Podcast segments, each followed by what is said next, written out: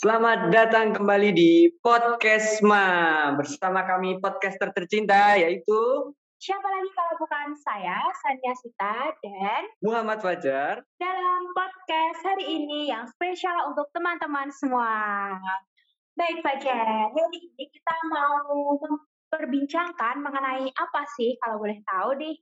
Nah, kita tuh di sini paling teman-teman nih sangat apa ya, sangat mendengar kabar ini mesti sangat tahu nih karena kita akan membahas tentang UKT. Iya, UKT ya. UKT itu adalah uang kuliah tunggal. Wah, pastinya teman-teman sangat familiar ya dengan kata tersebut atau istilah tersebut. Karena di Universitas Gajah Mada ini sendiri, kalau kita mau melanjutkan setiap semesternya agar kita bisa menjadi mahasiswa aktif, kita harus melunasi yang namanya pembayaran UKT. Kalau misalkan di UGM, itu sistem UKT-nya golongan ya Pak Jan? Iya, betul sekali golongan. Ya, golongan disesuaikan dengan kondisi finansial dari orang tua mahasiswa yang ada di sini. Betul. Tapi kalau misalkan ternyata nih golongan yang didapatkan tidak sesuai dengan kondisi finansial saat ini, pastinya boleh banget nggak sih kita buat mengajukan penurunan UKT? Boleh banget dan penurunan UKT bakalan bisa di setiap fakultas yang akan difasilitasi oleh DEMA ataupun BEM yang ada di fakultas masing-masing. Iya, benar banget. Nah, nggak usah berlama-lama lagi nih Fajar. Pastinya teman-teman di sini sudah tidak sabar ya bagaimana sih teknis dan juga mekanisme dari penurunan UKT ini.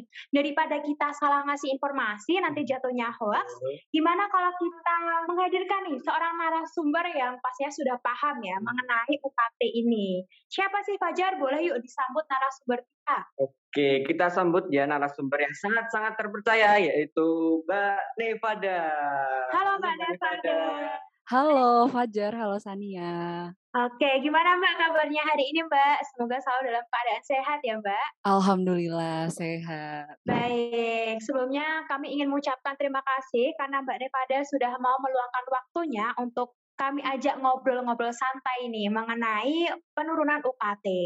Sebelumnya boleh dong Mbak Mbak Nevada untuk memperkenalkan diri kepada para pendengar podcast kita yang setia ini. Oke, boleh banget dong. Halo teman-teman semuanya. Perkenalkan, aku Nevada Anita Aulina. Aku adalah mahasiswa Ekonomi Pertanian dan Agribisnis angkatan 2019 sekaligus Kepala Biro Kesejahteraan Mahasiswa DEMA Fakultas Pertanian. Salam kenal teman-teman semuanya. Salam, Salam kenal. kenal. Baik, terima kasih Mbak Nevada yang telah memperkenalkan diri. Langsung saja ya Mbak, ada pertanyaan nih. Pastinya kan kita udah penasaran mengenai penurunan UKT. Eh, sebenarnya ada nggak sih Mbak tipe dan juga jenis dari penurunan UKT itu? Kalau ada, boleh dong Mbak untuk dijelaskan seperti apa? Oke, wah pertanyaannya menarik sekali ya. Tadi openingnya juga udah keren banget nih tentang UKT. Jadi ngomong-ngomong tentang penurunan UKT, sebenarnya tuh tiap periode dan semester itu beda-beda ya. Tapi mungkin kita bisa lebih berkaca nih dari periode penurunan kemarin, yaitu semester gasal 2021-2022. Nah, khusus untuk jenis penurunan ini atau keringanan ini, itu tuh sebenarnya dibagi menjadi dua teman-teman. Yang pertama itu ada keringanan dengan persentase tertentu. Dan yang kedua itu ada keringanan keringanan aja. Jadi keringanan aja ini biasanya keringanan dan penundaan pembayaran UKT. Nah, bedanya apa sih untuk yang pertama ini yang keringanan dengan persentase tertentu itu tuh adalah keringanan yang ditujukan untuk mahasiswa pertanian yang dia mengalami penurunan kemampuan ekonomi baik yang terdampak COVID ataupun yang di luar terdampak COVID. Contohnya itu kayak penurunan kemampuan ekonomi kayak gitu. Nah, kriteria-kriterianya itu biasanya digunakan untuk mahasiswa S1 Fakultas Pertanian. Yang tadi udah aku jelasin juga ya yang mengalami penurunan kemampuan ekonomi baik uh, baik karena COVID maupun enggak. Dan untuk yang kedua ini itu adalah keringanan UKT yang ditujukan uh, kepada mahasiswa Fakultas Pertanian yang sedang menyelesaikan skripsi atau tugas akhir dan mungkin mengambil mata kuliah di luar skripsi atau tugas akhir dan pendadaran maksimal 6 SKS kayak gitu. Jadi bedanya tuh cuman di kriterianya aja kalau yang Pertama tadi yang keringanan dengan persentase tertentu itu untuk mahasiswa dan mahasiswa S1 Fakultas Pertanian. Yang kedua yang keringanan dan penundaan pembayaran UKT ini itu tuh digunakan dilakukan atau di untuk diperuntukkan mahasiswa yang um, dari semester akhir seperti itu. Oke, mungkin uh, kita udah tahu nih tipe-tipe penurunan UKT-nya itu seperti apa. Yang tadi mulai keringanan aja sama keringanan apa tadi Kak Sania? Keringanan yang banget ya oh, sepertinya. Iya. Oke, mungkin karena kita biar uh, selanjutnya gitu ya. Kapan sih kira-kira uh, bisa pengajuan penurunan UKT atau periodenya kapan sih pengajuan penurunan UKT dan bagaimana sih alur pengajuan penurunan UKT itu Mbak? Oke, untuk kapan aja sihnya nih? Jadi biasanya itu dilakukan di akhir periode semester, entah itu di periode gasal maupun genap. Terus untuk tanggal pastinya itu biasanya tuh nanti di ada kayak apa ya, kayak SK gitu dari fakultas ataupun universitas kayak gitu sih.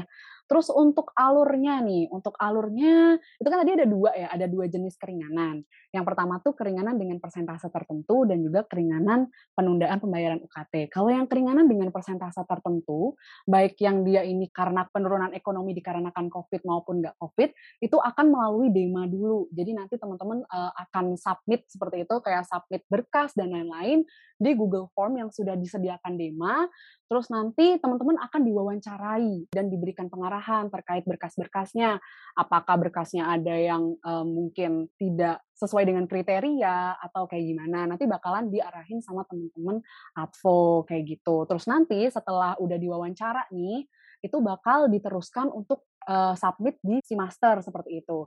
Terus nanti untuk yang di keringanan dan penundaan pembayaran UKT, untuk yang kedua itu, itu tuh langsung. Jadi kalian nggak uh, nggak usah lewat dari advokesma, tapi bisa langsung melalui si master. Nah dari advo sendiri itu kayak nyediain berkas-berkasnya aja.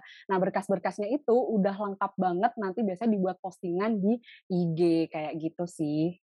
Oh, mantap banget nih Mbak. Sangat lengkap ya Mbak bagaimana alurnya tadi ketika kita mulai pengajuan sampai nanti berkas kita itu menunggu untuk di ACC. Nah, berbicara mengenai berkas nih Mbak, kira-kira berkas apa aja sih yang harus kita siapkan sebelum kita mengajukan penurunan UKT? Oke, jadi untuk berkas-berkasnya itu tuh tergantung juga ya, tergantung sama uh, kebijakan. Cuman uh, berkaca dari yang kemarin, itu tuh ada yang terdampak COVID. Yang terdampak COVID itu ada slip gaji, keterangan penghasilan, terus habis itu juga ada kartu keluarga, surat pernyataan terdampak COVID, dan juga berkas pendukung lainnya, kayak contohnya tuh surat PHK, pengurangan shift, dan sebagainya, kayak gitu. Terus untuk yang itu tadi kan yang COVID ya, kalau misalnya yang non-COVID, itu tuh ada kayak slip gaji, sama slip gaji orang tua, habis itu juga ada narasi, surat pernyataan. Nah, surat pernyataan itu nanti bisa diunduh ada kayak apa ya? Kayak ada bitly-nya, nanti teman-teman bisa unduh di situ. Terus juga ada kartu keluarga, scan KTP, scan bukti kepemilikan aset, surat pajak bumi dan bangunan, SPT, tagihan listrik, foto rumah, dan juga ada berkas-berkas tambahan kayak kartu sejahtera, surat keterangan pensiun, surat kematian, surat keterangan kayak PHK, pengurangan shift yang tadi itu, surat cerai, keterangan sakit, keterangan pendidikan saudara kayak gitu.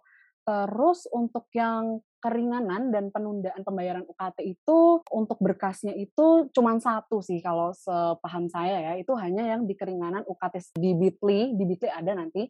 Terus habis itu nanti setelah mengisi berkas itu langsung diunggah ke si master kayak gitu. Jadi untuk berkasnya tuh udah disediain dari Dema gitu. Itu biasanya ada di postingan Wah, banyak sekali ya berkas-berkas yang disiapkan untuk pengajuan penurunan UKT. Mungkin dari teman-teman semua yang sedang mendengarkan podcast ini, mungkin bisa dipersiapkan berkas-berkasnya mulai dari surat-surat uh, kartu keluarga, scan KTP, terus kemudian surat pernyataan yang diunggah di semester dan di web yang bakal ada di Bitly-nya tadi, terus ada slip gaji dan lain sebagainya itu mungkin bisa disiapkan dulu sembari menunggu periode pengajuan penurunan UKT.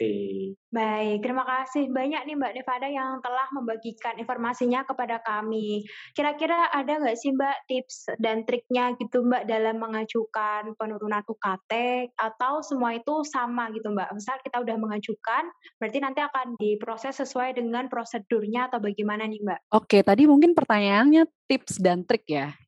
Oke, jadi kalau untuk tips dan triknya itu lebih kepada menyiapkan berkas yang sesuai dengan kriteria yang diinginkan oleh akademik, departemen, dan fakultas. Jadi banyak banget nih teman-teman yang dia mengajukan nih, mengajukan penurunan ataupun penundaan, tapi belum bisa di ACC kayak gitu dikarenakan mungkin ada salah berkas dan lain-lain. Jadi tips and triknya itu sebenarnya sesimpel kalian mengikuti alur dengan baik karena kalau misalnya nanti teman-teman masuk ke Dema dulu, uh, wawancara, habis itu juga ada seleksi berkas dan lain-lain, kita dari Advo tuh bakalan kasih arahan. Ini kayak berkasnya bener deh, ini kayak berkasnya salah deh, dikasih arahan kayak gitu. Jadi tips and triknya seperti itu. Oke Mbak, terima kasih banyak ya Mbak. Jadi intinya kesimpulannya tuh dalam mempersiapkan berkas, kita tuh harus detail dan juga hati-hati. Bener gak sih Mbak? Bener banget, harus hati-hati banget itu.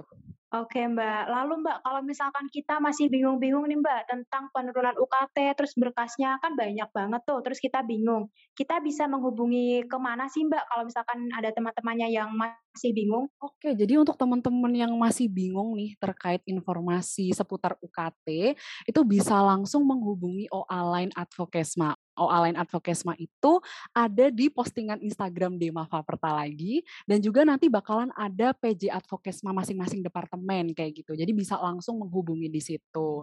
Nah, untuk kontaknya itu bisa langsung diakses di website Advokesma kayak gitu, teman-teman. Cukup lengkap ya teman-teman semua. Bisa dicatat-catat nih biar ke depannya ketika pengajuan penurunan UKT tidak diskom lagi dan tidak ada kendala yang tidak diinginkan. Nah, pada yang telah meluangkan waktunya untuk menemani kita menjawab pertanyaan dari teman-teman yang ada di sini nih. Terima kasih banyak ya Mbak Nevada. Sama-sama, sehat selalu, semangat selalu teman-teman. Baik, nah tadi berakhirnya tips and trick tadi berarti menutup perjumpaan kita di podcast episode kali ini. Oke, oleh karena itu di sini saya Sania Devi dan rekan saya Muhammad Fajar pamit undur diri dan sampai jumpa di podcast, podcast Mas selanjutnya. See you. Dadah.